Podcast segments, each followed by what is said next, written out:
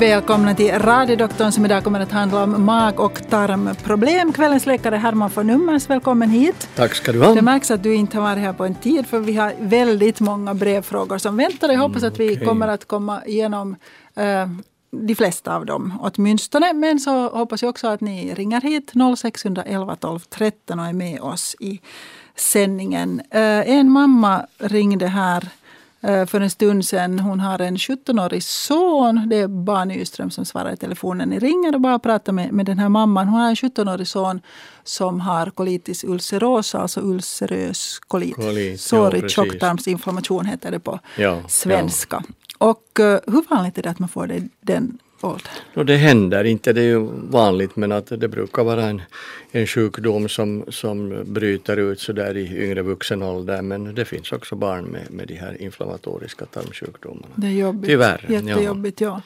Han har då fått olika mediciner, bland annat kortison. Och det hör till? Det hör till den där så att säga andra gradens medicinering. Man brukar börja med, med det där, vissa, vissa det där preparat av asakol typ som, som är besläktade med, med sulfa som, som har en, ofta en, en god inverkan på åtminstone på lindrigare fall. Men sedan om man märker att det här inte hjälper så då måste man klättra vidare på stegen och, och, och ge lite tuffare mediciner och, och se hur det utvecklar sig. Och där är just kortison sedan kommer och, och sen finns det det där andra så kallade biologiska läkemedel och där bland annat är cytostatika, alltså cellgifter och, och sånt här som ska ta ner det här immunförsvaret för att idén är ju den att kroppen gör antikroppar mot sin egen slemhinna. Mm. Han har alltså fått uh, biologiska mediciner, uh, det är den här nyaste typen som tar ja. ner immunförsvaret. Inte sant? Och han är väldigt mottaglig för infektioner, skriver, det hör, säger hon. Det, och det, hör, till, till. det hör till. Men det hjälper ändå inte mot hans uh, tarmproblem. Och hans hemoglobin är nu 100. Ja, och det betyder att när slemhinnan blöder och det, där, mm, det kan, om det går riktigt illa så kan det leda till något som kallas för toxisk megakolon och då, då blir, blir hela tjocktarmen liksom uh, utvidgad och tunnväggig och, och, det där, och det betyder att man jourmässigt måste operera bort den där tjocktarmen. Den, den funkar inte sedan mera, den börjar släppa igenom och man får bukhinneinflammation. Vad är symptomen på det? No, det är akut buk som man kallar det. Då får man jätteont och, och det där hårda bukbeteckningar och feber. Och, alltså att magen blir hård? Magen liksom. blir alltså, hård och svullen. Ja, ja det kallas för defans det där när man lite känner sen så märker man att det kommer en sån här muskelreaktion. Sedan som, för att det gör så ont? För att det ja. gör så ont, ja. Så någonting sånt så betyder att han ska omedelbart in på sjukhus? Ja. Vad finns det annat? Vad, finns det något mer att göra nu då? No, egentligen inte. Man följer ju med det där och, och ser om det skulle vara på det sättet att, att det där att eh, medicinerna helt enkelt inte hjälper och han anemiseras och så vidare så att eh, liksom verktygen tar slut, hjälpmedlen tar slut så då får man nu tänka sig en, en, där, en kolektomi, det vill säga att man opererar bort hela tjocktarmen. Hela tjocktarmen? Hela tjocktarmen. Och vad, hur lever man efter det? No, man lever ganska bra efter det nog alltså. Man kan, man kan det där man kan göra en, en anastomos, en skarv mellan, mellan tunntarmen och, och ändtarmen. Okej, så man behöver inte ha en påse på magen? Nej, man behöver inte nödvändigtvis ha det. Om, om den där ändtarmen är väldigt illa anlupen också så, så kan det hända att det blir och det kan hända att det blir en, en tillfällig påse på magen som man sen kan, kan det där koppla ner. Men, men att om den där ändtarmen fortfarande är är funktionsduglig och det, man kan lämna ganska lite just så att bara sfinktermuskeln är kvar. Så har man ju också byggt sådana här, sån här reservoarer av tunntarm, sådana så kallad J-pouch, en påse helt enkelt som, som det där som fylls Inne i magen? I, ja, inne i, i bukhålan. Ja. ja, och, och, det, där, och det, det är en möjlighet men, men det där det, det måste man sen se hur, hur det är ju individuellt för varje patient den där bedömningen sen att vad man gör. Och orsaken till att man då i så fall gör en, en operation, en så här stor sak, är det då bara för att det här är jobbigt för patienten eller är det för att det är farligt att gå det är med? Liv, det är livräddande. Om, om, det där, om tjocktarmen blir så där sjuk så, så måste man helt enkelt göra det. Annars tar sjukdomen överhand. Och vad händer då? Då dör man. Men inte dör man väl av sårig tjocktarmsinflammation? Nej, men om, du, om det går så här det långt. Mega, det här det, toxiska ja, megakolon. Okej, men, men man funderar på operation också som nästa steg om absolut, medicinerna inte biter. Absolut. Och är det då och bara då gör, man det, det, då gör man det liksom uh, profylaktiskt så att säga för att man vet att, att medicinerna inte funkar och att, den där, att det kommer att bli det här.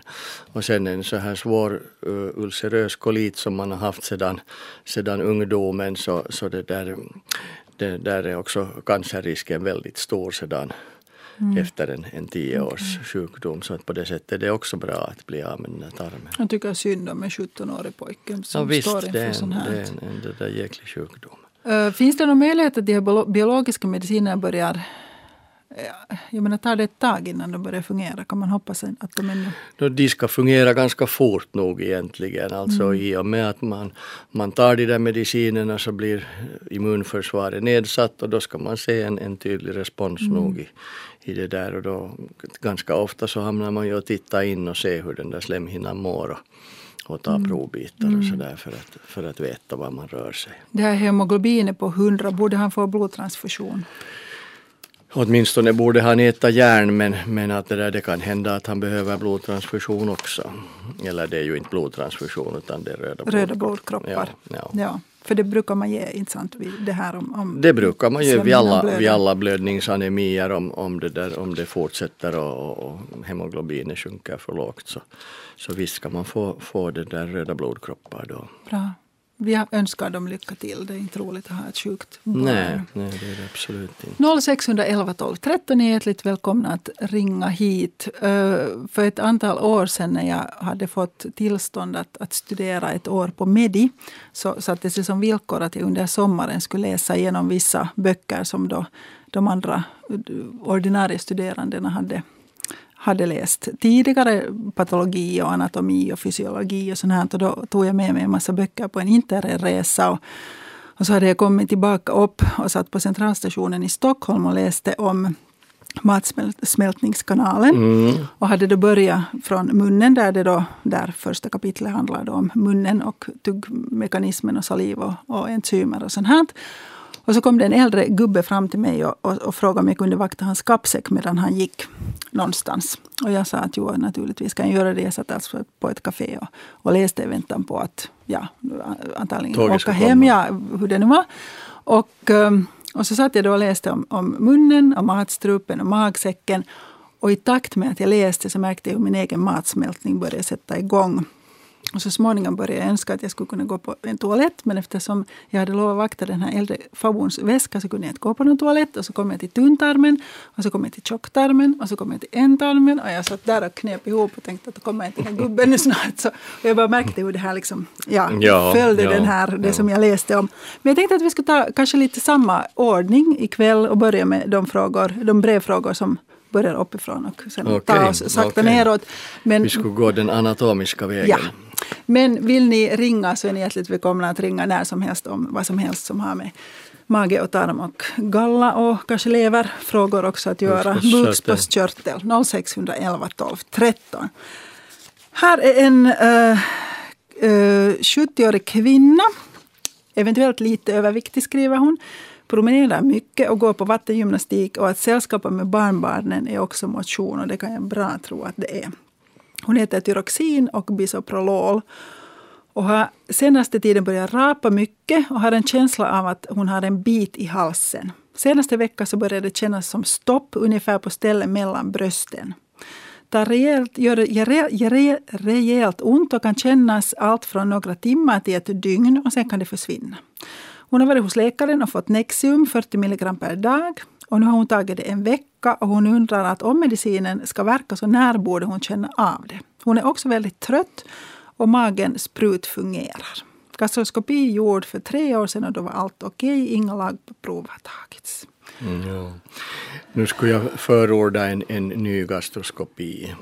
Tre år är i alla fall en ganska lång tid och, och det här svällningsbesväret så det, det är alltid till en viss grad alarmerande på det sättet att uh, där är ju någonting som, som hindrar maten att gå ner ordentligt om det gör ont och om det känns som det skulle stoppa upp så så nu tycker jag att det skulle vara väldigt viktigt och, och i den där åldern när hon talar om sprutdiarré och så där så varför inte också kanske en, en kolonoskopi så att man skulle se att det är inte är någonting i tarmen.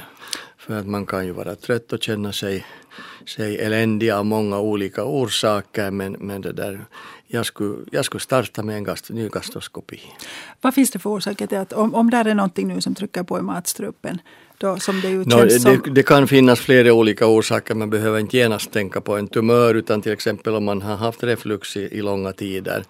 Och en sån här reflux kan vara ganska, ganska det där symptomfri också så att patienten inte nödvändigtvis märker alltså hemskt mycket. magsäcksinnehåll Att surt magsäcksinnehåll åker upp i, i matstrupen och det där. Då kan man få sår i, i matstrupens nedre del slemhinna och de där såren när de småningom sedan helnar så blir det ärrbildning och då kan det bli trångt där. Men det där det som man naturligtvis vill, vill utesluta är att där inte finns en tumör. Mm.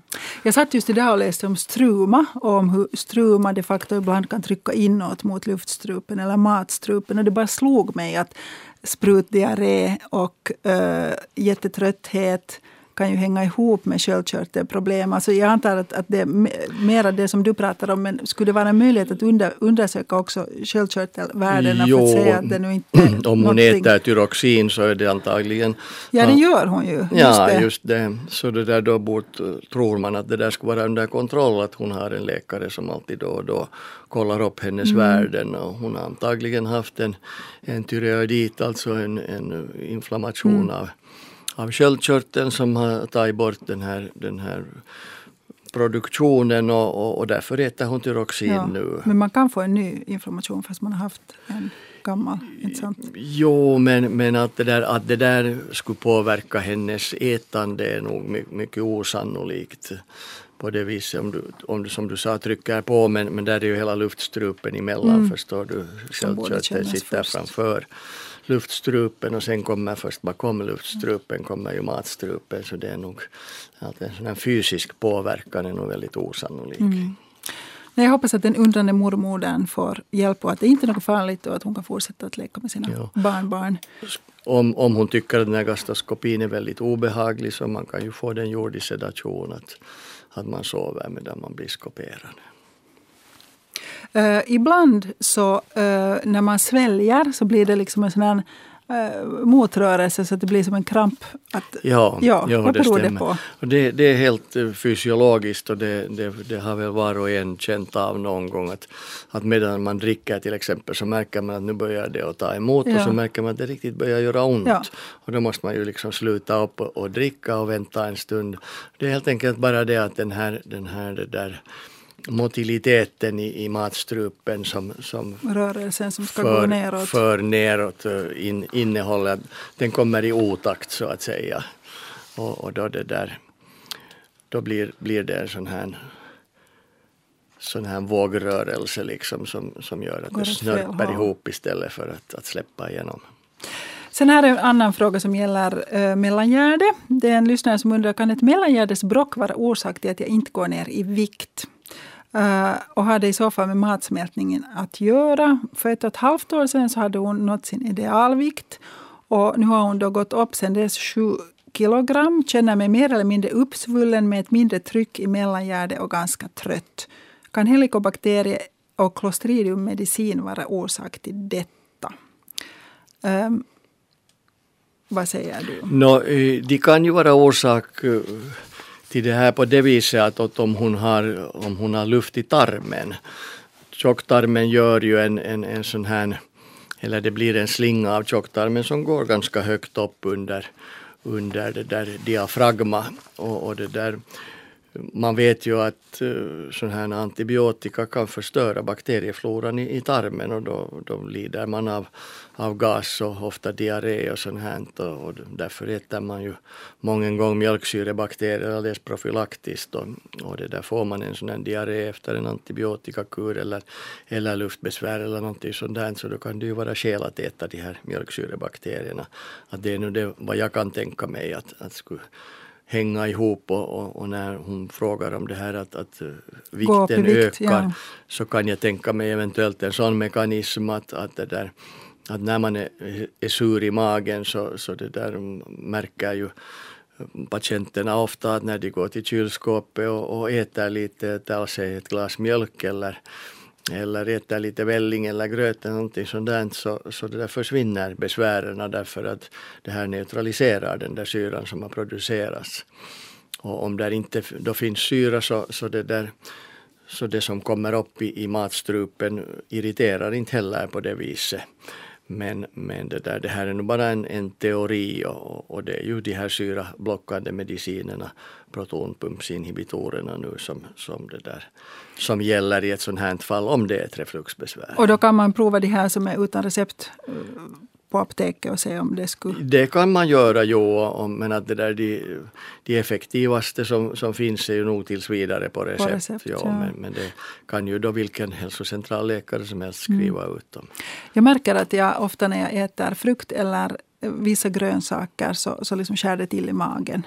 Och, och jag tror att skulle jag liksom skulle jag inte göra det så skulle jag äta mer frukt och grönsaker och mindre socker som känns bra mm. i magen.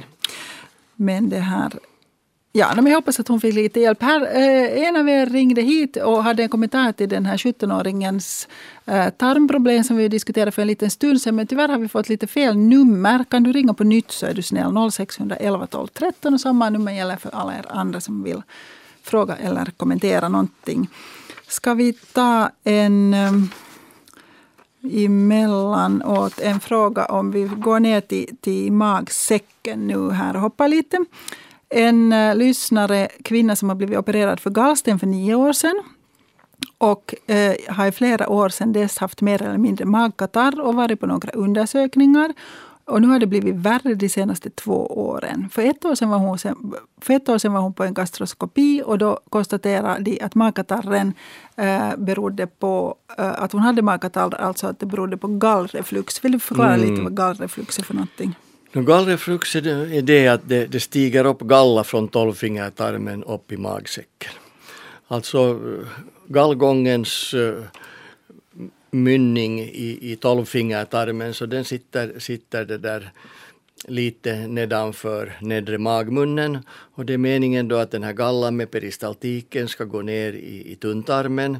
Men speciellt efter en galloperation så ser man ibland att det här inte funkar rätt utan att den, den där gallan istället går upp mot magsäcken, går upp genom nedre magmunnen och blir kvar i magsäcken och gallan innehåller ju gallsyror. Och, och, det där, och de, här kan, de här gallsyrorna kan, kan fräta den där magsäckens slemhinna på samma vis som, som en för stor koncentration av saltsyra som magsäcken då själv producerar. Och, och det, det bekymmersamma med de här, de här gallsyrorna är ju det att, att eh, de kan man inte dämpa med, med de här vanliga syranedsättande medicinerna. Just det. Du har någon tidigare sagt att, att det är ganska svårt att diagnostisera en sån här, att det är inte alltid som läkaren klarar av att hitta den här gallrefluxen. Men tydligen har hon haft en kunnig läkare som har fått syn på den. Jo, ibland kan det hända bara, bara i samband med endoskopin att, att det där, när man får den där kräkningsreflexen så mm. kommer den där gallan upp och man ser att den kommer upp genom nedre magmunnen in i, in i magsäcken. Men det betyder inte för den skull att patienten nödvändigtvis ska ha, ha det normalt ja, hela tiden. Men man talar om något som kallas för Red Green syndrom.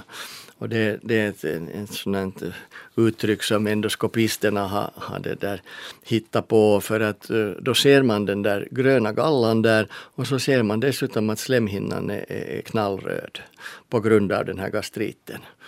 Och det här, är, det här är ganska typiskt för att den där slemhinnan blir ju inte så där knallröd om, om det kommer, kommer det där någon enstaka gång och till exempel just i samband med gastroskopin. Hon har alltså försökt med Nexium och uh, Antepsin och nu har hon uh, Antepsin säger hon att fungerar någorlunda, Nexium fungerar inte alls men alltså du säger att de här medicinerna inte har någon effekt? Det Nej, så? i princip inte. Naturligtvis de tar bort saltsyran och om man då tänker på saltsyrans och gallsyrornas gemensamma effekt så kan det ju bli lite lindring om man får mm. bort den där, den där mm, saltsyraproduktionen men, men på gallsyrorna inverkar det inte. Uh, nu står det alltså att antepsine inte ska tas mer än tre veckor. Hon undrar att vad kan det ge för problem om man tar det längre? Jag skulle inte säga att det direkt ger åtta något veckor, veckor, problem ja. utan nu är det väl närmast det att, att det är ett sådant receptfritt medel och om man inte liksom blir bra efter den där tiden så fordras det mera undersökningar och det där, då, då ska man gå till sin läkare och då ska man bli gastroskoperad och undersökt okay. och så vidare. det är nog, det är nog, tror jag, det som är närmaste tanken. Så det är inte någon fara med att ta det mer än åtta nej, veckor? Knappast nej. Om de flesta av de här de här där syrablockarna, om de nu är av den ena eller den andra sorten, så, så, det där, så är det ju sånt som folk tar i många år. Och hon undrar att kan man blanda Antepsin och Nexium? Ja, man borde i princip inte behöva göra det för redan Nexium, man tar 40 milligram Nexium per dag så det där, då ska nog magen vara i stort sett syrafri.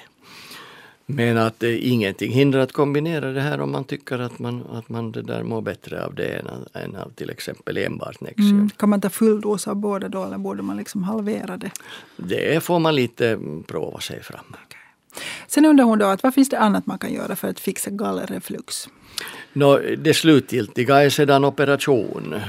Och då gör man en operation som kallas Roan Y och det vill säga då, då kopplas, kopplas det där mm, tunntarmen direkt till, till det där magsäcken och så rinner gallan ut i en, i en tunntarmsslinga som ligger helt skilt från, från det där magsäckssystemet så att det där maten kommer ner en väg och, och gallan kommer ner en annan väg och, och kommer aldrig åt så att säga. Att, att komma in i magsäcken. No, hur illa ska man ha det för att den operationen ska övervägas? No, sist och slutligen är det nog ganska sällan som man behöver göra det där. Men nu har jag varit med om sådana patienter som har haft så illa att man har beslutat sig för att göra det här. Det har funnits genom åren också vissa mediciner som man har försökt sig på vid, vid den här gallrefluxen men, men att det där, de har nog sällan haft någon, någon bestående nytta för patienten. 0611 12 13 och du som hade en kommentar till 17-åringens sorg tjocktarmsinflammation så ring gärna på nytt. Och detsamma gäller alla er andra som vill vara med per telefon. Häremellan så ska jag säga att vi har på um, webbdoktorn en bantarblogg som startade för um, några veckor sedan. Mirja, Maria, Gunvor och Magnus skriver där om sina strävanden mot ett hälsosammare och smalare liv. Och vi kan följa med deras viktnedgång och deras äh, försök och ibland misslyckanden också. Nej, jag tror inte de har misslyckats så mycket sen de började skriva. De har varit ganska duktiga. Äh, gå gärna in och följ med dem och läs. Sen har vi alltså på Facebook en eh, grupp som heter Radiodoktorns bantare som vi startade vid nyår. Och det är en helt underbar grupp och vi tar gärna emot nya medlemmar för den som vill komma med. Äh, för tillfället har vi liksom inte egentligen någon experthjälp där utan vi hjälper och stöder och stöttar och uppmuntrar varandra. Och där finns ganska många experter i den här gruppen för de flesta håller på att banta hela sitt liv med mm, mer lyckade och mindre lyckade resultat. Eh, lite, jag har själv saknat eh, eh, vikt. Alltså jag var någon med i Viktväktarna, gick ner bra i vikt med dem trivdes med den dieten och har tappat bort hälften av mina eh, papper som jag fick då, för jag tänkte att jag kan när som helst gå med igen. Men nu finns ju då inte Viktväktarna i Finland mera. Eh, om det är någon där ute som har jobbat med Viktväktarna och har, eh, har liksom någon gång lett en grupp och har den här know-howen eh, vad den här metoden gick ut på. Om du möjligen skulle vilja ställa upp som sån här gratis experthjälp i vår bantargrupp så skulle det vara jätte, jätteroligt att få kontakt med dig. Så ring och ge nummer till Barn 0611 12 13 eller skriv till radiodoktorn.vega.yle.fi för jag tror att en del av oss skulle behöva lite hjälp i den här gruppen. En del klarar sig alldeles ypperligt på egen hand. En sån här grupp är ju bra på det viset att om man, om man inte går ner i vikt eller till och med ökar så då blir man tröstad av de här gruppmedlemmarna. Och sen om man, om man det där lyckas gå ner så då blir man igen gratulerad yes. så att allting känns bra. Allting känns bra. Jo, jo, och, och, där, är, och där finns absolut ingen, märker jag, liksom, det finns inte någon tävlan i den gruppen. Det finns ingen avundsjuka. Det finns liksom enbart just att man är jätte, jätteglad om någon har lyckats. Mm. Och det, det, det, är en väldigt fin grupp och ni, ni, får gärna komma med, ni som är med på Facebook. Raddoktorns bantare heter den. Nu fortsätter vi med smärtor i magen.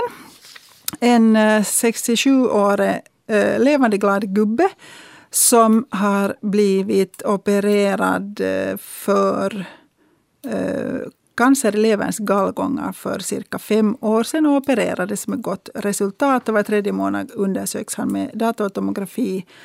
Och hittills så har cancern då inte äh, verkat komma tillbaka och det är mm, jätteroligt. Det är jättefint, ja. Men han har smärtor i magen. De uppträder mitt i mellangärdet och är snarare verkande än stickande. Sen november har han tagit Panadol dagligen med hyfsat resultat.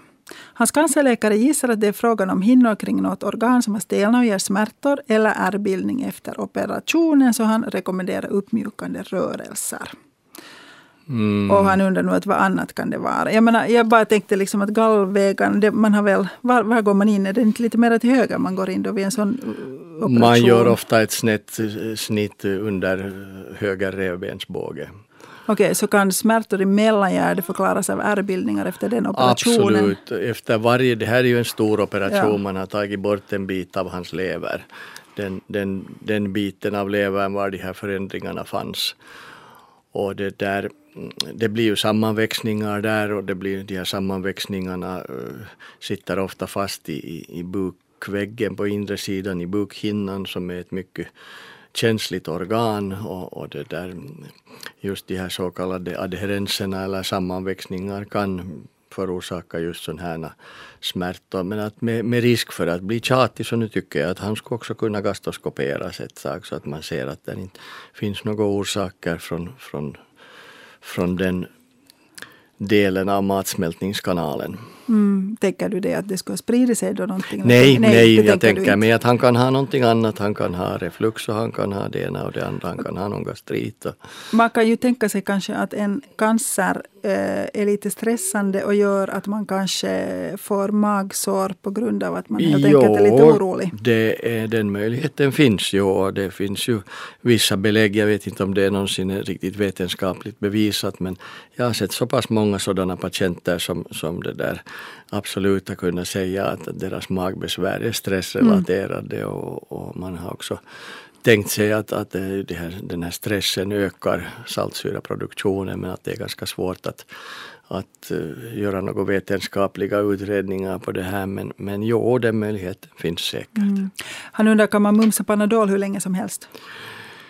No, jo, Panadol är ju på det sättet en bra medicin att, att den, den förorsakar inte eh, gastrit som, som det där. Man kan ju till och med få magsår om man äter mycket av de här, de här NSAID-medicinerna, typ Burana, mm. Ibuprofen och de här. Så, så, det där. så det är bra att han är på, på Panadol eller Panacod-linjen då så, så, det där, så irriteras åtminstone inte magen. Och sen undrar han, kan ultraljudsundersökning vara till skada för magen? Svar nej. Ultraljudsundersökningen är alltid den som skadar minst. Men eh, är ultraljudsundersökning till någon glädje för honom? Jo, vi, visst alltså är det inte så att han följs med. Hans, ja, ja, det gör ja. han. Jag tänkte bara att kan det, det, kan måste ju vara glädje då. Okay. Men det kan inte, det kan inte vara uh, visa varför han har ont i magen. Eller? No, ibland kan ju en ultraljudsundersökning om man har gallsten till exempel visa varför man har ont i okay. magen. Och ofta beställer man en ultraljudsundersökning för patienter som har ont i magen. Men, men att det där eh, knappast så, så visar det i hans fall utan det här är nog till för att, för att det där följa med hans, hans det där kolangiokarcinom och se att den inte metastaserar eller sprider sig. Okej. Simon undrar angående de här syrablockarna om de påverkar matsmältningen negativt. Blir näringsupptaget sämre av dem? Jag tycker det är en bra fråga. det borde det i princip inte bli. Alltså människan behöver ju inte den där syran för att smälta sin mat. Den har ingen funktion? Nej, den har ingen funktion. Det är en gammal reminiscens från försvunna tider. Att kanske för, för miljoner år sedan har den behövts den där syran. Men, men människans matsmältningskanal fungerar helt utan den här syran. Så att det, där, det behöver man knappast fundera allvarligare på. Mm. Jag kommer ihåg att vi någon gång fick en fråga om, om det gjorde att C-vitamin i citrusfrukter inte upptogs. Eller något sådär. Men vi kom också till att det, det inte spelar någon roll. Nu kommer jag inte ihåg frågan var, jag kommer inte ihåg vad svaret var. Men det var typ mm. att nej, det påverkar inte. Nej. Vi håller oss till det. Uh, hej på er, jag skriver med anledning av min vuxna 29-åriga sons magproblem som har varit snart i ett års tid. Han lider av illamående nästan konstant men mest efter måltider. Annars fungerar magen normalt. Han har varit i kontakt med läkare flera gånger. Laktos och glutenintoleransen är kollad. Inget avvikande med dem. Han har fått tabletter mot magsyreproblem men dessa har inte hjälpt. Han ska på ultraljud nästa vecka. Och mamman undrar nu vad illamående kan tyda på. Och hon undrar också att kan en gastroskopi ge svar eller finns det mindre obehagliga men tillförlitliga sätt att undersöka magen och illamående. De har en hel del cancer i släkten. Bland mm. annat så dog pojkens mormor i tjocktarmscancer. Och ja, var därför mamman extra orolig. Ja, nu är ju illamående ett sådant symptom som kan hänga ihop med så jättemånga olika tillstånd. Och, och, det kan vara förfärligt svårt ibland att, att hitta orsaken. Och det där. Därför så är säkert skulle en, en större inre medicinsk utredning just med, med det där med olika funktionsprover och, och, och se att, att det där att det inte finns någonting inre medicinskt som förorsakar det här Som det här vad då, tänker du på då? Oj, det kan vara, det kan vara så, så väldigt mycket olika saker och sen naturligtvis måste man utreda att han inte har gallsten. Men, men att det, det visar ju ultraljudet. Men, ja, men det där, det, det till exempel ja. ska vi säga en njursvikt med stigande kreatinin kan förorsaka illamående och massa med olika saker som, som kan ge illamående. Men, men, men igen ett tag skulle jag säga att, att det där, visst är gastroskopin en viktig undersökning i det här sammanhanget. Och en 29-årig man klarar säkert av den också om den är lite jo, obehaglig. och skulle, det vara, skulle, skulle han vara tillräckligt bekymrad så igen säger jag att den kan göras i sedation. Att, att, han sover. inte alls vet om överhuvudtaget att, att han blir skoperad. Han kan ha en, en, en gastrit som är förorsakad av helikobakterier. Han kan ha en eventuellt en celiaki som, som Ja men ingen... gluten är, den är kollad? Ja den var kollad ja. just så och, och kanske helikobakterierna också är kollade. Det mm. går ju mm. att kolla med diverse olika, det står ingenting om olika det. prov. Men... Hur är det med alltså, till exempel då gallsten som kan ge illamående? Men hur ofta ger gallstens problem illamående utan att ge smärta? No, det är väldigt individuellt men, men alltså smärta är ju det vanliga att det kommer, kommer det där, ska vi säga sådär en, en halvtimme efter, efter maten men, men det kan ge illamående också. Och, och det där leverfunktionsprov skulle säkert vara jättebra att göra. Allt, allt möjligt sånt här som, som man måste gå igenom för att, för att komma till vad det riktigt kan vara frågan om. No, mamman är uppenbarligen orolig för att han ska ha magsäckscancer. Hur ofta har en 29-åring magsäckscancer? Oerhört sällan. Det är ju en, en sjukdom som håller på att avta i, i frekvens och det är en, en ganska stor sällsynthet nu för tiden att man hittar en, en magcancer när man gastroskoperar.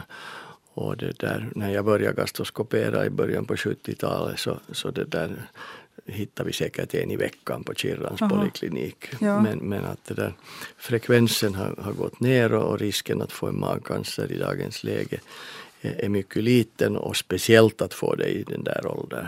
Okay. Men att någon omöjlighet är det förstås inte. Men vi hoppas att det inte är det han har ja. utan något ja. betydligt mindre allvarligt. Vi hoppas att de får problem. Här kom in ett mejl just nu. Hej, för drygt ett år sedan var jag med om en gast gastric bypass-operation. Det är alltså det där man... Äh, Avmagringsoperation. Mm, har gått ner drygt 50 kilo sedan dess. Wow, det måste vara häftigt. Drygt ett halvt år har jag lidit av svåra smärtor i buken då jag har enormt mycket luft som inte kommer ut. Smärtorna blir som kramper under bröstkorgen och jag spyr luft. Alltså jag spyr men inget annat kommer upp, bara luft. Jag undersöks med ultraljud och datortomografi och där har konstaterats skrumpgalla plus flera stenar i gallblåsan. Vad är skrumpgalla? No, det är helt enkelt det att eh, man kallar det kanske inte för skrumpgalla men, men det är att eh, gallblåsan har eh, förtvinat och, och, och krympt ihop eftersom funktionen är borta om det sitter en slutsten liksom som gör då, då är det de här möjligheterna att den, att den skrumpnar ihop och förtvinar bort eller så att det blir en varig gallblåseinflammation. Okay. Eller, eller en kolekystit som man kallar det. Om någon vecka ska gallblåsan opereras bort och det låter ju vettigt med skrumpgalla och stenar. Ja, ja. Men hennes fråga är nu, tror du det kan vara gallan som ger mina luftproblem och krampaktiga smärtor eller finns det dessutom något annat som inte har konstaterats? Min läkare verkar nämligen inte så säker på att det bara är gallan utan snarare, tar snarare till uteslutningsmetoden. 41-årig eh, kvinna. No, det är ju de kirurger som har opererat henne och gjort den här gastric bypassen som hon ska vända sig till. Alltså det må, låter ju som det skulle vara någonting där som... Jo, sannolikt är det någonting där.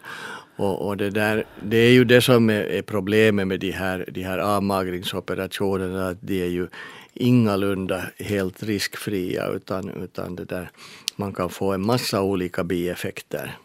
Och det är ju de kirurger som sysslar med det här och gör det här som känner till de här, de här det där bekymren som kan uppstå postoperativt också efter en längre tid. Och det är ju en, ett ofysiologiskt tillstånd som man mm. bygger upp där för att, för att människan ska magra.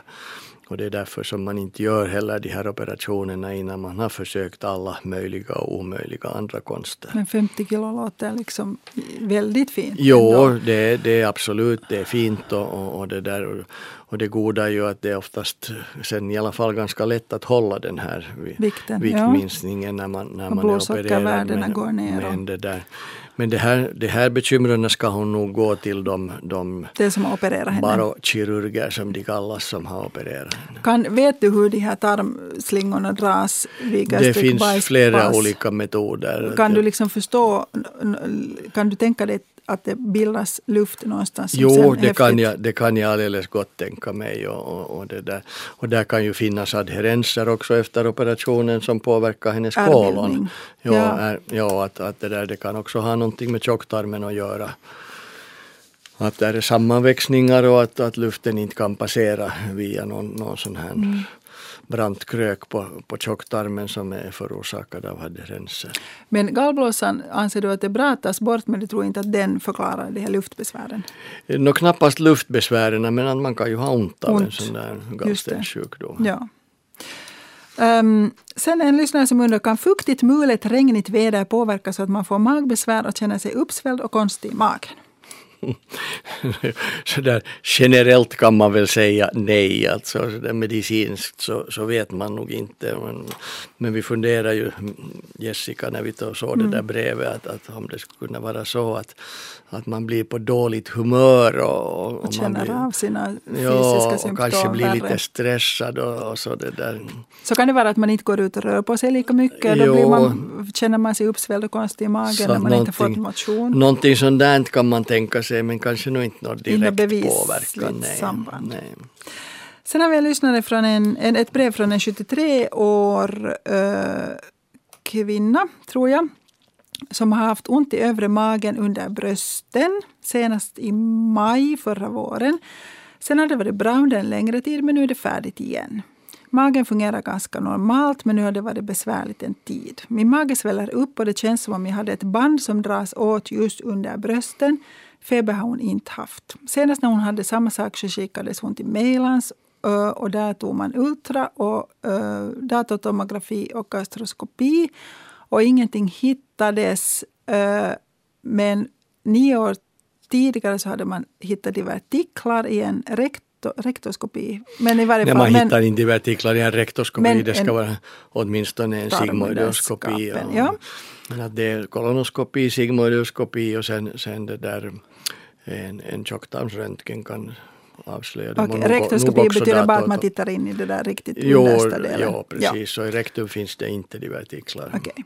I varje fall så, så blev det en diagnos de gav på Melans att hon har divertiklar och det är därifrån hennes problem kommer. Och nu känns det på samma sätt igen. I morse när jag vaknade var det helt bra men så fort jag har ätit mitt morgonmål, havregrynsgröt, så börjar det på nytt. Vad kan det vara? Kan det vara gallan undrar hon. Ont i övre magen under ja, brösten. no, det, där, det kan naturligtvis vara gallan och, och, om man hittar gallsten hos henne så till exempel med ultraljud så, så förklarar det antagligen hennes besvär men, men jag skulle nog hålla en hacka i alla fall på divertiklarna. Och pratar du då om en divertikulit, att de har blivit infekterade och därför verkar? Ofta är det just på det sättet att man har, man har såna små besvär, man, man har lite eh, diarré, man får eller växl, omväxlande diarré och, och hård mage och, och, det där hamnar kanske och, och går på toaletten lite oftare än, än, än tidigare.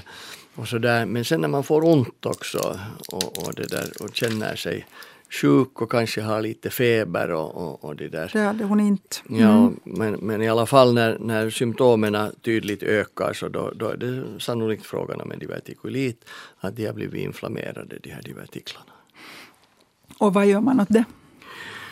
No, då brukar man få en, en tarmantibiotikakur det finns något som heter metronidazol till exempel som, som man brukar skriva för, för, för divertikuliten och det hjälper upp eh, för den gången situationen. Men, men att sen kan man ju få när som helst på nytt senare en, en divertikulit igen. Och de flesta av de här de kan ju sitta i hela tarmen, de här divertiklarna. Mm. Och, och har man mycket i, i hela tarmen så är det inte kanske så stor idé att operera men oftast sitter de i sigmatarmen, det vill säga tjocktarmen, nedersta del, den som, som det där sedan ansluter till ändtarmen. Det var det jag skulle säga. Tidigare när vi har pratat om divertiklar så har du sagt att det liksom typiska stället för att känna av divertiklar nere till vänster. nere till vänster. Ja, för att de ofta sitter just i sigman och, och den är där nere till vänster. Men nu har hon alltså ont under äh, brösten? Ja, men, men det, där, det är inte omöjligt att man kan ha det också eftersom tjocktarmen ju går där också. Och många som har en, en, en besvärlig divertikulos har, har divertiklar också i det där mm. transversum som det heter. Borde man undersöka henne och se om hon har divertiklar? Jag tycker det var, var det, hur länge sedan var det det var gjort? Äh, nio år sedan, nio, tio ja, år sedan. absolut. Mm. Jag tycker hon borde få en ny kolonoskopi. Okej. Okay undersöka hela, hela ja, tjocktarmen. Ja. Det här, hur är det med, jag menar är inte då övre magen, är det inte typiskt ställe för magsår och magkatarr? Jo, det är det absolut, men, men att om, om det kombineras med, med luftbesvär och, och oregelbunden tarmfunktion eller någonting sånt där så, så är det sannolikt, kommer det i alla fall från tjocktarmen. Från tjocktarmen. Ja. Om, om vi tittar lite liksom, äh, magsår och, och sår i tolvfingertarmen, var ungefär känns det? Kan du liksom peka? På no, magen. Om du känner bröstbenets spets, ja. alltså här i, i mitten. Här. Ja, mm. Så att om du nu tar till exempel två, tre fingersbreddar ner ja. från den, så det är det där typiska stället för, för magkatarr och magsår. Och, och, det där, och ännu lite kanske längre ner så är det tolvfingertarmen, men att det där tolvfingerstarmens första del som kallas för bulbus där man också kan ha sår. Mm. Beroende på det att det kommer surt maginnehåll ner från magsäcken till, till det här tolvfingertarmens första del som neutraliseras först när man kommer ner till papilla fater, det vill säga det ställe var bukspottkörteln mynnar i, i tolvfingertarmen. Så därför är tolvfingertarmens alldeles översta del som just kallas bulbus och som man också tittar på i gastroskopin ett, ett väldigt liksom utsatt ställe. Att man kan, man kan få det där sår där också. Mm. Och, och, det, där, det sitter då lite lägre ner men att, att den där molande verkkänslan är, är sällan så lätt att specificera att man skulle kunna säga att det är en eller två eller tre fingersbreddar nedanför bröstbenet. Utan Men ganska i mitten? Det är ändå. ganska i mitten mm. där mellan, mellan det där naveln och bröstbenet. Mm. Och de vertiklarna känns oftast nere till oftast vänster? Oftast nere till vänster just för Hur att, känns den verken då? Är den liksom No, det är en sån där molande verk som, som det där ofta liksom kommer just i, i samband med att, att eh, peristaltiken sätter igång. Att, att man får ofta sova sin natt i, i fred och sen som många skriv, brevskrivare skriver när de stiger upp och dricker sitt morgonkaffe eller äter sin morgongröt så då, då, då startar det. Mm. No, och gallan känns till höger? Gallan känns till höger under revbensbågen, ja. Och brukar liksom verka ordentligt brukar verka ungefär en halvtimme efter en måltid. Och speciellt då en sådan måltid som innehåller sånt som, som det där sätter igång gallblåsans tömning. Fet och stekt mat, äppel, gurka, kålrot, ägg. Det är de där ganska typiska gallstens smärtoframkallande. Äh, blindtarmen då? No, blindtarmen den brukar börja med en sån där obehaglig värk i hela buken, alltså man har ont i hela magen. Och, och det där och sen just de här inflammationssymptomen, om man då tar labb så är ofta CRP förhöjt och man kan ha feber och så vidare. Och så han efter så, så, det där, så lokaliseras det då ner till höger. Där var blindtarmen sitter? Där var blindtarmen sitter, ja. Och då finns det ju fler än just en, en, en läkare som då undersöker en sån här mage med misstanke på på det där blindtarmsinflammation så det finns vissa sådana här test som alldeles fysiska som man kan göra som, som det där då visar på, på det där blindtarmsinflammation. En inflammerad blindtarm kan bra synas till exempel i ultraljud, mm. det kan vara första undersökningen. Och sen, sen det där det här smärtan ökar då, den där lokalisationen blir, blir allt tydligare. Och, och, det där, och sedan kan det ju hända att den där blindtarmen också spricker då. Då kan man få, få det där, en varhärd där omkring den brustna blindtarmen. Man talar om en periapendikulär abskess, det vill säga att det, har, det är en sån där varblåsa. varblåsa runt omkring och så kan man också få, få det där direkt en bukhinneinflammation, att det där varet sprider sig på ett större område. Och det där, de här, sedan när det har gått i det här så mm, sköter man dem ju ofta konservativt med en ordentlig antibiotikabehandling tills det avklingar och så opererar man i ett senare skede. Okay. Uh, eh, bukspottkörteln kan också ge lite sådär diffusa. Uh, jag funderar när hon pratar om det känns som ett band som drar åt. Jag har någon gång hört patienter som har haft bukspottkörtel. Cancer mm. tror jag inte att hon har det. Jag hoppas att hon inte har det. Men just som ett liksom band som spänner. Ja, också, också det där i de här samma regionerna och, och då kanske lite mer till vänster. Alltså mm. det är ju en bukspottkörtel ser ut som en, en stor morot och den här, det här huvudet eller kaput som det heter som, som det där sitter vid tolvfingertarmen så det där, där är den, den morotens tjocka del och så går det ut en sån här svans mot, mot det där vänster sida, mot vänster flank. Och det som är ganska typiskt just för, för det där eh, bukspottkörtelsmärtor är att de strålar ut mot ryggen. Okay. Uh, eh, du hade någon patient som, som då inte hade cancer utan hade en inflammerad bukspottkörtel som jo. ni kom på när frun krävde var det inte så du sa? Jo, alltså frun hade, hade i sin nära bekantskapskrets hade, hade haft någon med, med det där med pankreascancer som hade haft lite liknande symptom och, och det där. Och den här patienten var då jag hade bland annat gjort just gastroskopi på honom och, och där hittade vi ingenting som skulle förklara det här och, och det där. Och så beslöt vi då att göra en, en datortomografi på honom. Och det som, det som gjorde att man inte riktigt uh, kanske i första hand uh, misstänkte en, en, en pankreasprocess var det att han hade varit mycket hovsam i sitt alkoholbruk. Just det.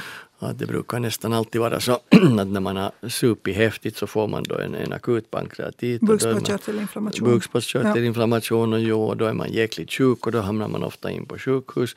Och sen så småningom så övergår den här då till en kronisk bukspottkörtelinflammation med, med, med vidgad, vidgat gångsystem och, och stenar i, i det där eh, utförsgången och sånt här och, och, det ger då just en sån här återkommande ganska besvärlig smärta.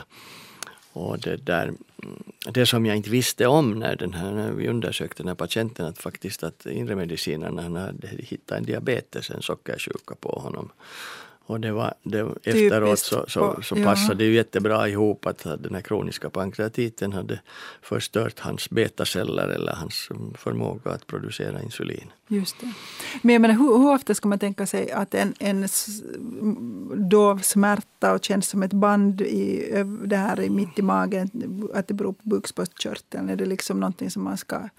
No, om nu diverse andra saker, till exempel är utredda, om man inte hittar någon orsak så, mm. så visst kan man fundera på, på bukspottkörteln och, och det där en, en börjande cancer i bukspottkörteln till exempel kan ge just en sån här väldigt jobbig verk och, och, och, den kan vara så liten att den är svår att få tag på men men det där, just i ultraljud brukar man ju se nog om, om det är några förändringar i bukspottkörteln och så kan man ta vissa sådana här amylas och andra sådana här uh, bukspottkörtelenzymer och se om, om de är stegrade.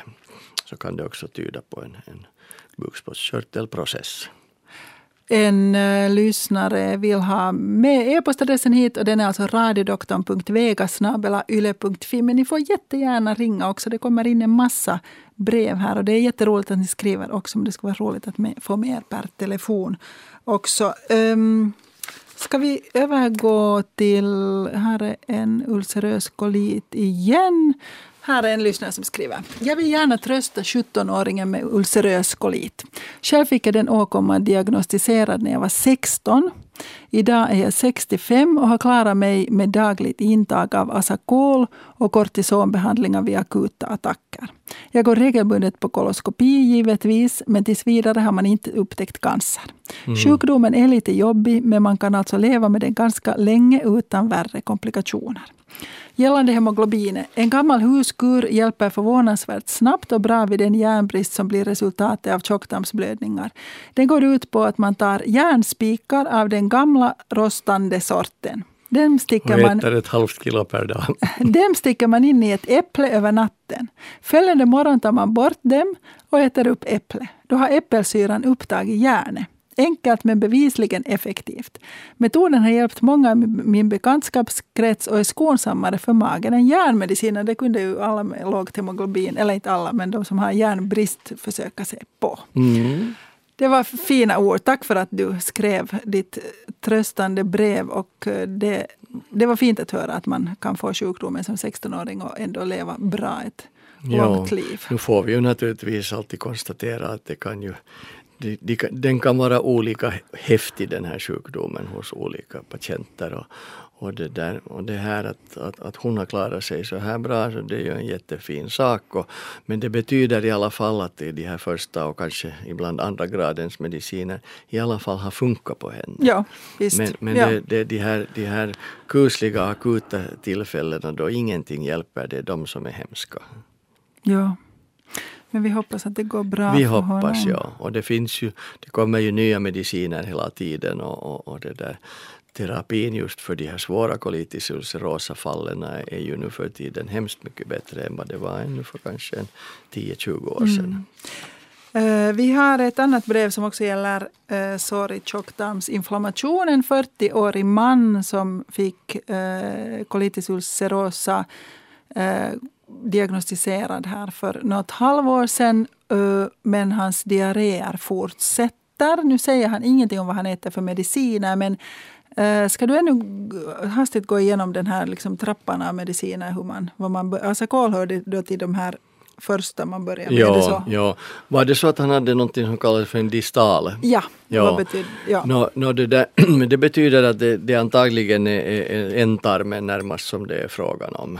Och då talar man om en proctitis ulcerosa, det betyder att den sitter i ändtarmen. Det är ganska typiskt, det är många patienter som har den här förändringen bara i ändtarmen. Varför får man diarré då? Jag menar, är inte ändtarmen ren liksom avföringen den som den ska Nej, vara? Nej, det är det nog inte, okay. utan, utan det, där, det, är nog, det blir en sån här retning liksom att man, man det där den är sjuk den där tarmen och, och, och, den tål mycket mindre, mindre det där, ska vi säga, uh, förvaringskapacitet, den har mindre förvaringskapacitet okay. den där sjuka, sjuka det där ändtarmen än, än vad en normal har och, och så har man, retar det liksom så att man har brott hela tiden och, och då är den ju löst den där den där avföringen. Blöda kan det också.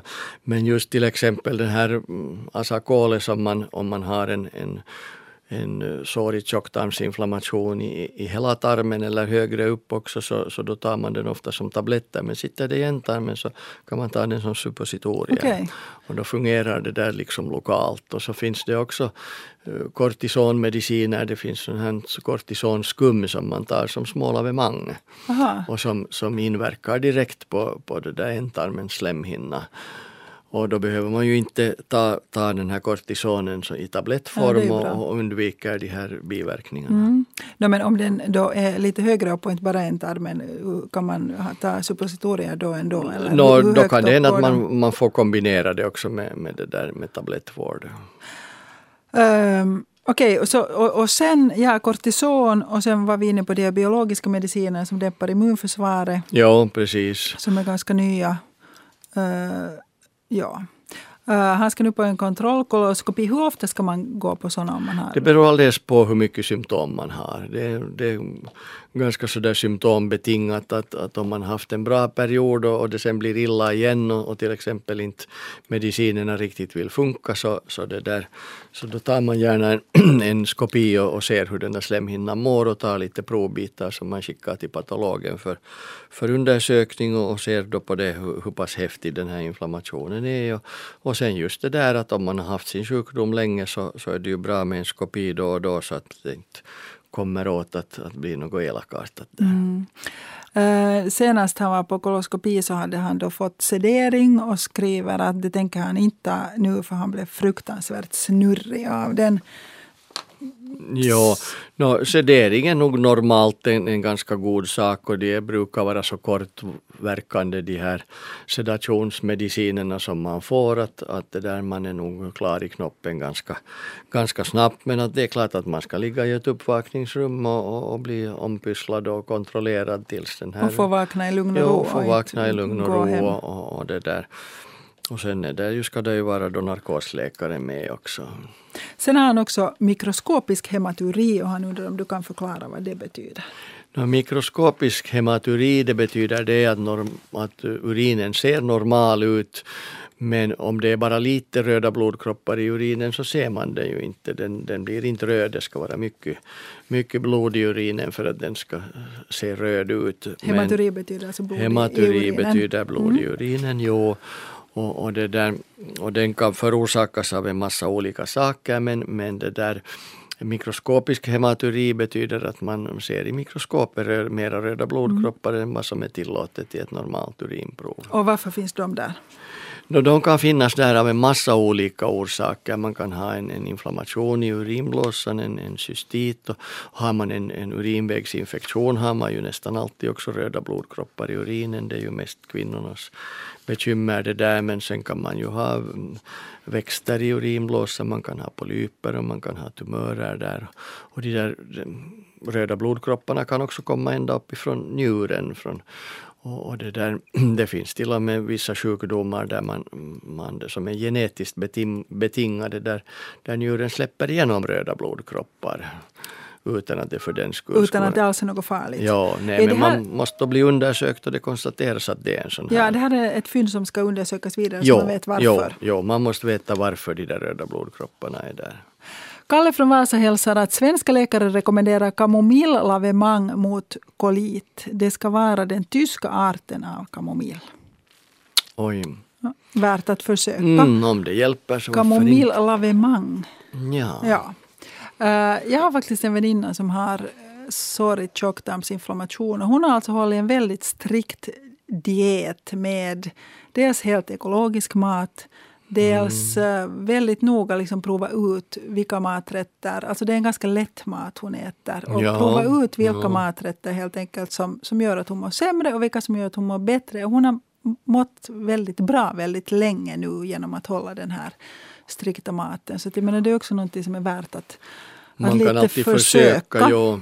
Det här är ju en, en typ av sjukdom som också annars oberoende av dieter har bättre och sämre perioder och så är det ju väldigt svårt att veta liksom om, om det nu är de här dieten eller om det annars bara har råkat bli bättre men, men ju allt sånt här, och speciellt om det verkar som det skulle funka så, så är det ju värt att Jag tror att hon helt ser kopplingen att hon liksom, om hon går på middag och äter som mat som inte passar henne så blir hon liksom omedelbart ja. sämre. Det som man ju också vet att man kan ha haft en väldigt lugn och bra period och tarmen har verkat helt frisk och så far man till södern och får en, en, en vanlig turistdiarré ja. så kan det smälla igång igen. Så att man... Och det är ju inte så bra Nej, det är för en det, sån tarm. Det är inte så bra. Nej. Uh, uh, ska vi ta en brevfråga igen här. Bästa doktorn fick för 20 år sedan vid tarmröntgen diagnosen kolon irritabile plus några divertiklar. Alltså den här diagnosen kolon irritabile, irriterad tjocktarm. Vad, vad, vad ska man no, Först kan vi den? kanske säga att, att man kan inte ställa diagnosen kolon irritabile på basen av en röntgenbild. För det syns ingenting och det syns inte i endoskopin heller. Och hur man än undersöker så hittar man inga objektiva eh, resultat av sina undersökningar utan det här är en, en, en samling med uh, symptom som patienten har som, som det där kan vara nog så besvärande men man hittar ingen direkt medicinsk eller anatomisk bakgrund för det här. Och då kallar man det för, för irriterat tjocktarmssyndrom. Mm. Kan man liksom anse att det på något sätt ändå hör till det normala?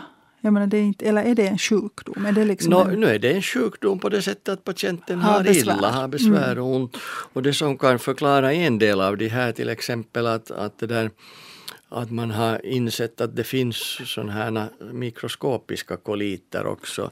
Där yep. man, var man ingenting ser i, i, i någon annan undersökning än, än om man har tagit provbitar från tarmen. Från en slemhinna som ser som frisk ut. Som ser helt normal ja. ut, ja. Och speciellt vi kirurger har ju alltid varit sådana att vi tar de där provbitarna då när vi ser några förändringar. Men liksom i gastroskopi så, så kanske vi får börja medge också att i kolonoskopi så skulle det gälla samma sak att man, man skulle ta provbitar fast det ser helt normalt ut. För, för det här det finns en sån här lymfocyt lymfocytkolit med, med onormalt mycket inlagringar av lymfocyter. Som ger diarré också då? Ja. Av vita blodkroppar som, som kan ge diverse besvär men, men som man, där man inte hittar någonting annat. Och sen en annan form är en kollagenkoliten då, då man ser en ökad inlagring av, av det där bindväv i, i slemhinnan. Och båda ger diarréer? Båda ger just ja. de här typiska symptomen och förklarar liksom patientens besvär. De är sällan sådana att de skulle behöva någon vård och den här vården, man har så pass nyligen upptäckt det här att, att det där, någon gång har man försökt sig på liknande vård som med, med det där vanliga koliter men, men det har nog kanske inte eh, givit så hemskt mycket resultat och sällan är de sådana att de verkligen skulle behöva skötas med medicin eller så men det förklarar besvären. Mm. Och det, det är kan, ju bra. Ja, det ja. kan vara att, att en del av de, de sådana här äh, irriterade tjocktarmssyndrom som, som man har, har det där konstatera hos olika patienter under åren i alla fall har varit sådana här mikroskopiska koliter. Sådär. Just det. Har du börjat ta biopsier från områden jo, som ser jo, friska ut? Har, okay. har du hittat någon mikroskopisk kolit? Uh, alltid då och då, okay. jo. Det är, nog, det är ganska sällan men jo då och då. Okay. Kan man kräva av sin läkare att han tar provbitar också om det ser bra ut? no, jo, det, det kan man nästan säga. Och den, den här diskussionen utspann sig på, på, det där, på 70-talet visavi gastroskopin. Aha, ja. Och, och, det där.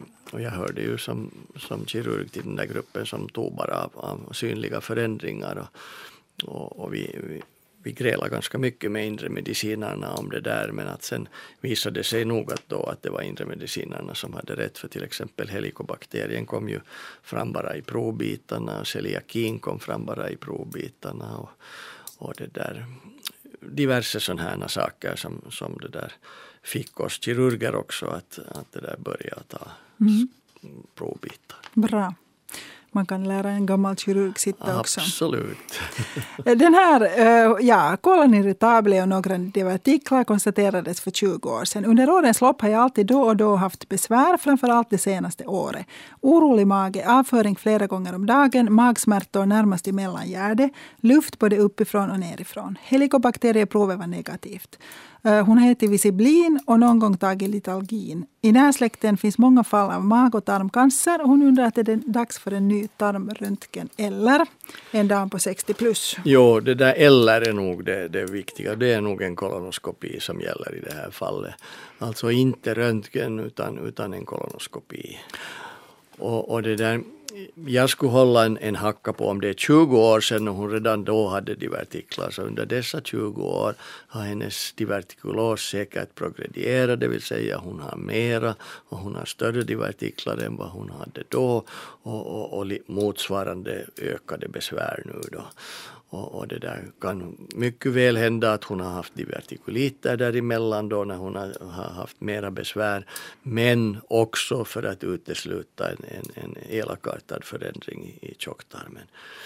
Och, och, här skulle jag ännu gärna eh, säga att, att om man lite helst funderar om man är, ska vi säga i åldern 60 till, till 70-75 så, så det där, om det aldrig är gjort en kolonoskopi så fast man skulle må hur bra som helst och inte ha något symptom så kan man hemskt bra en gång gå till en kolonoskopi och få den gjord. För där kan finnas polyper som behöver tas bort för att inte bli cancer och så vidare. Och, och, och det där om det skulle vara en tidig cancer till exempel så, så, det där, så kan man ju bli frisk från det. Man kan ju mm. opereras fast man är 75 år gammal. Det är ingenting som hindrar. Och, och, det, där, det här skulle vara viktigt och speciellt om de man har besvär. Och det är de där tre viktiga sakerna. Man märker plötsligt att tarmfunktionen har blivit annorlunda än man är van med. Kan det liksom vara både förstoppning och diarré? Jo, kan mm. vara vad som helst. Men annorlunda funktion. Och sedan om man har ont nedre delen av buken och om man ser blod i avföringen. Det är de här tre viktiga sakerna.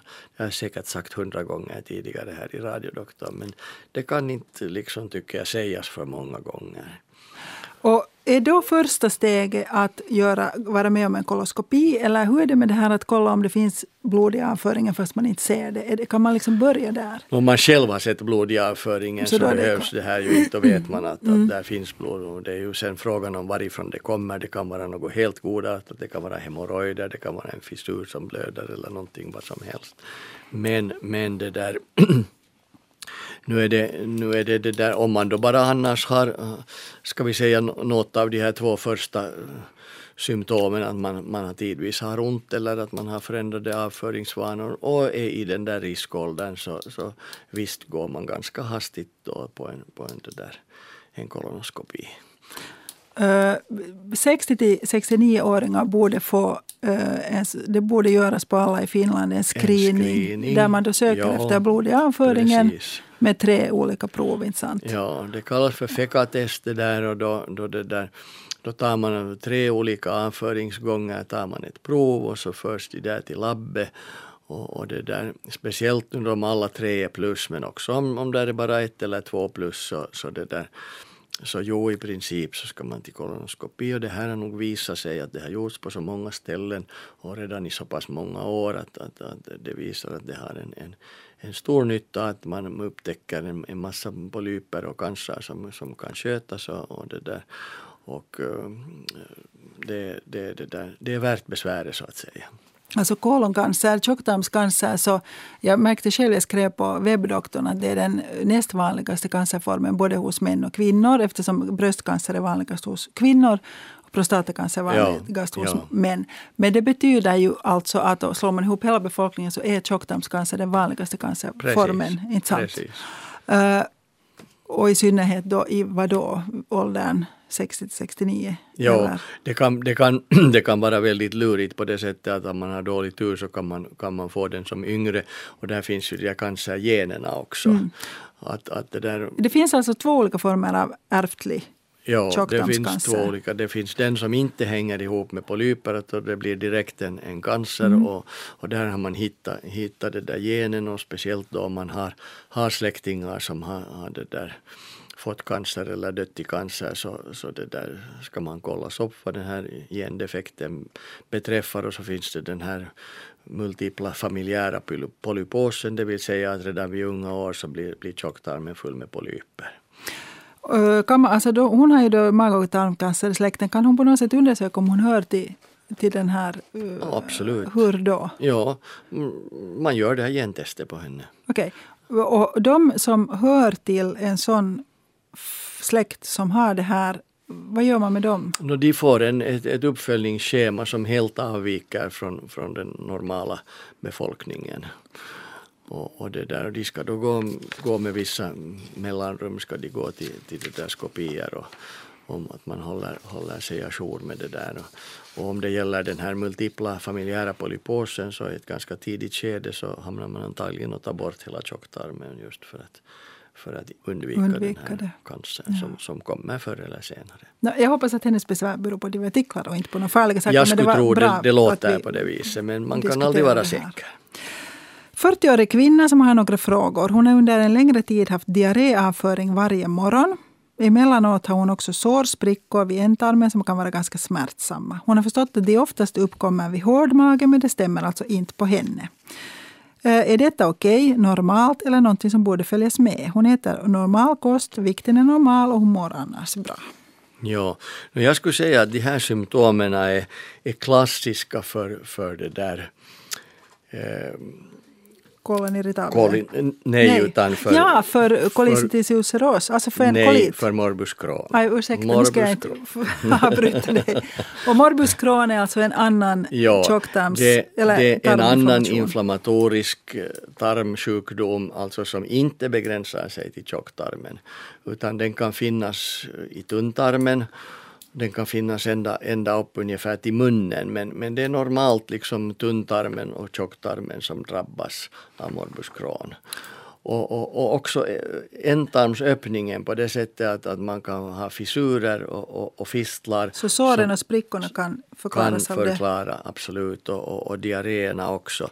Så att det där, hon ska nog utredas för, för en morbus Crohn. Och Eh, om det visar sig att hon har det, så vad händer då? Medicinering. Precis. Samma som ja, vid samma typ av, av, av, mediciner. Ja.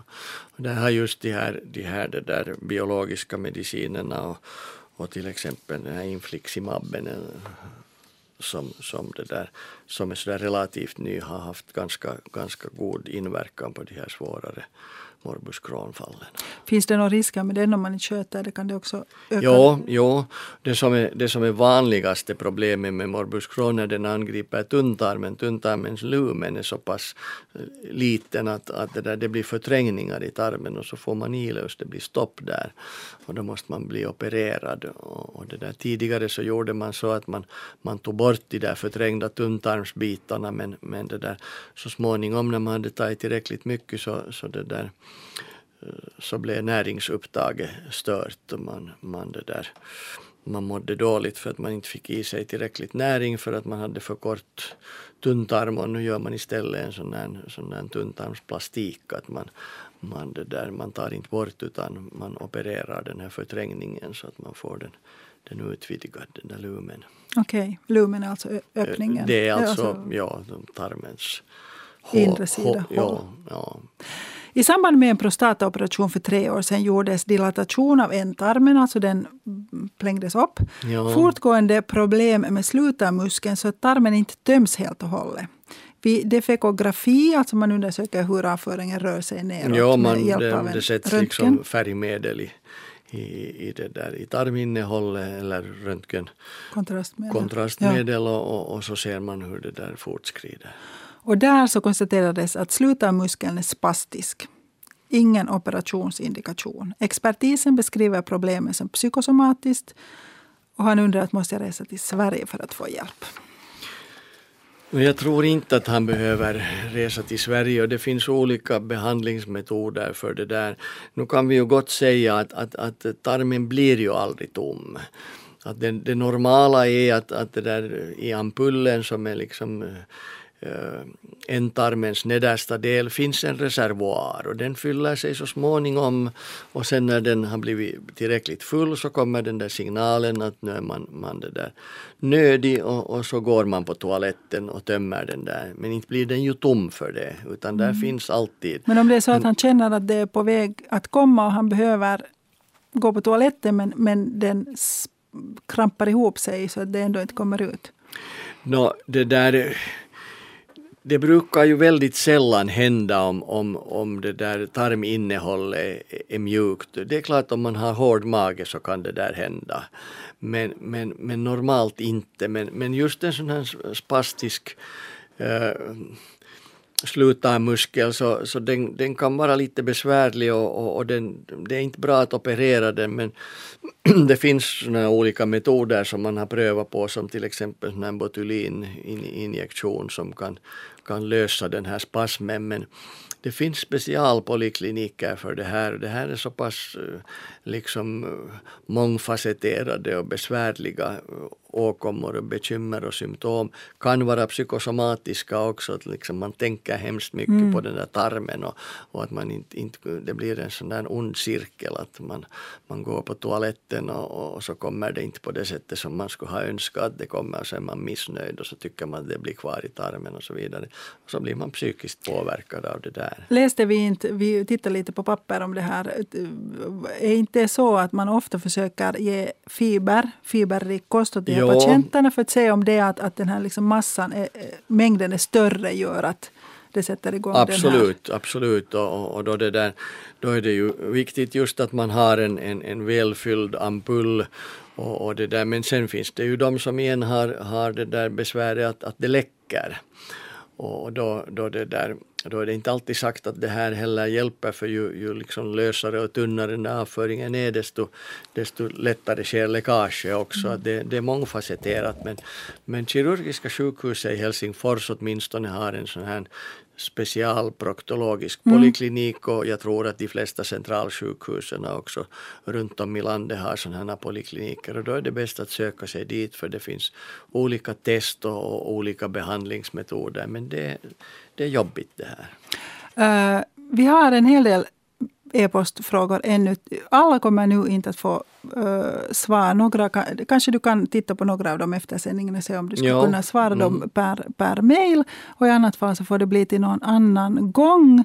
Uh, här är en blödande tjocktarmsfråga. Min son är 26 år och har också diagnostiserats med blödande tjocktarm.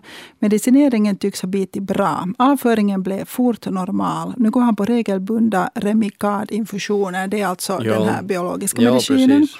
Min fråga är nu, vad förorsakar blödande tjocktarm? Är det stress eller oregelbundna mattider, havsätande? Förr sades det att det är en psykosomatisk sjukdom. Kan man speciell diet förbättra tjocktarmens slemhinna? Finns det någonting man ska undvika? Här är en del uh, andra frågor också, men det är alltså en autoimmun sjukdom? Det, det är en autoimmun sjukdom, jo, och man vet ju inte varför den kommer man känner inte till orsaken. Man har tänkt sig en, en hel del olika grejer och man har tänkt sig att det ska kunna vara någon bakterie som man har fått som, som det där en, en förändring i, i tarmens bakterieflora som utlöser det här men, men man vet det inte riktigt. Och, och det där. Och därför är det ju så besvärligt och jobbigt. Och det har försökts alla möjliga dieter och man har försökt det ena och det andra och, och inte hade riktigt kunnat påvisats att, att det skulle finnas någonting som verkligen påverkar mm. den här mm. sjukdomen. Utan det är som reuma där, där det bildas motkroppar mot det egna ledbrosket så bildas det motkroppar som förstör den egna tarmslemhinnan. Ja. Då tar vi och eller och då, då, då är liksom i princip är, är tanken den att, att där man, man lugnar ner det här med mediciner eller så, så det där bromsar man den kroppens egna immunförsvar så att den där immunreaktionen blir svagare och då kommer tarmen åt att helna. Och då tar vi och avslutar med en hälsning från uh, en man som skriver jag led av kolit, colitis ulcerosa plus uh, fissura ani, alltså fissurer i ja. i ändtarmen. Ja, ändtarmsöppningen. förlåt, i yngre år och också senare. Så småningom kom jag på att det var friterad och stekt lök som jag inte tålde. När jag undviker löken är allting okej. Okay. Annars kan jag äta nästan vad som helst. Det här kunde vara någonting att tänka på. Jag tror nämligen att det äts mycket lök. Jag tycker det är jättefint att ni som har den här sjukdomen har kunnat Eh, hjälpa varandra och komma med tips och råd. Vi skulle kunna samla de här på webbdoktorn någon gång, de här råden. Absolut, skriva om ja. sjukdomen.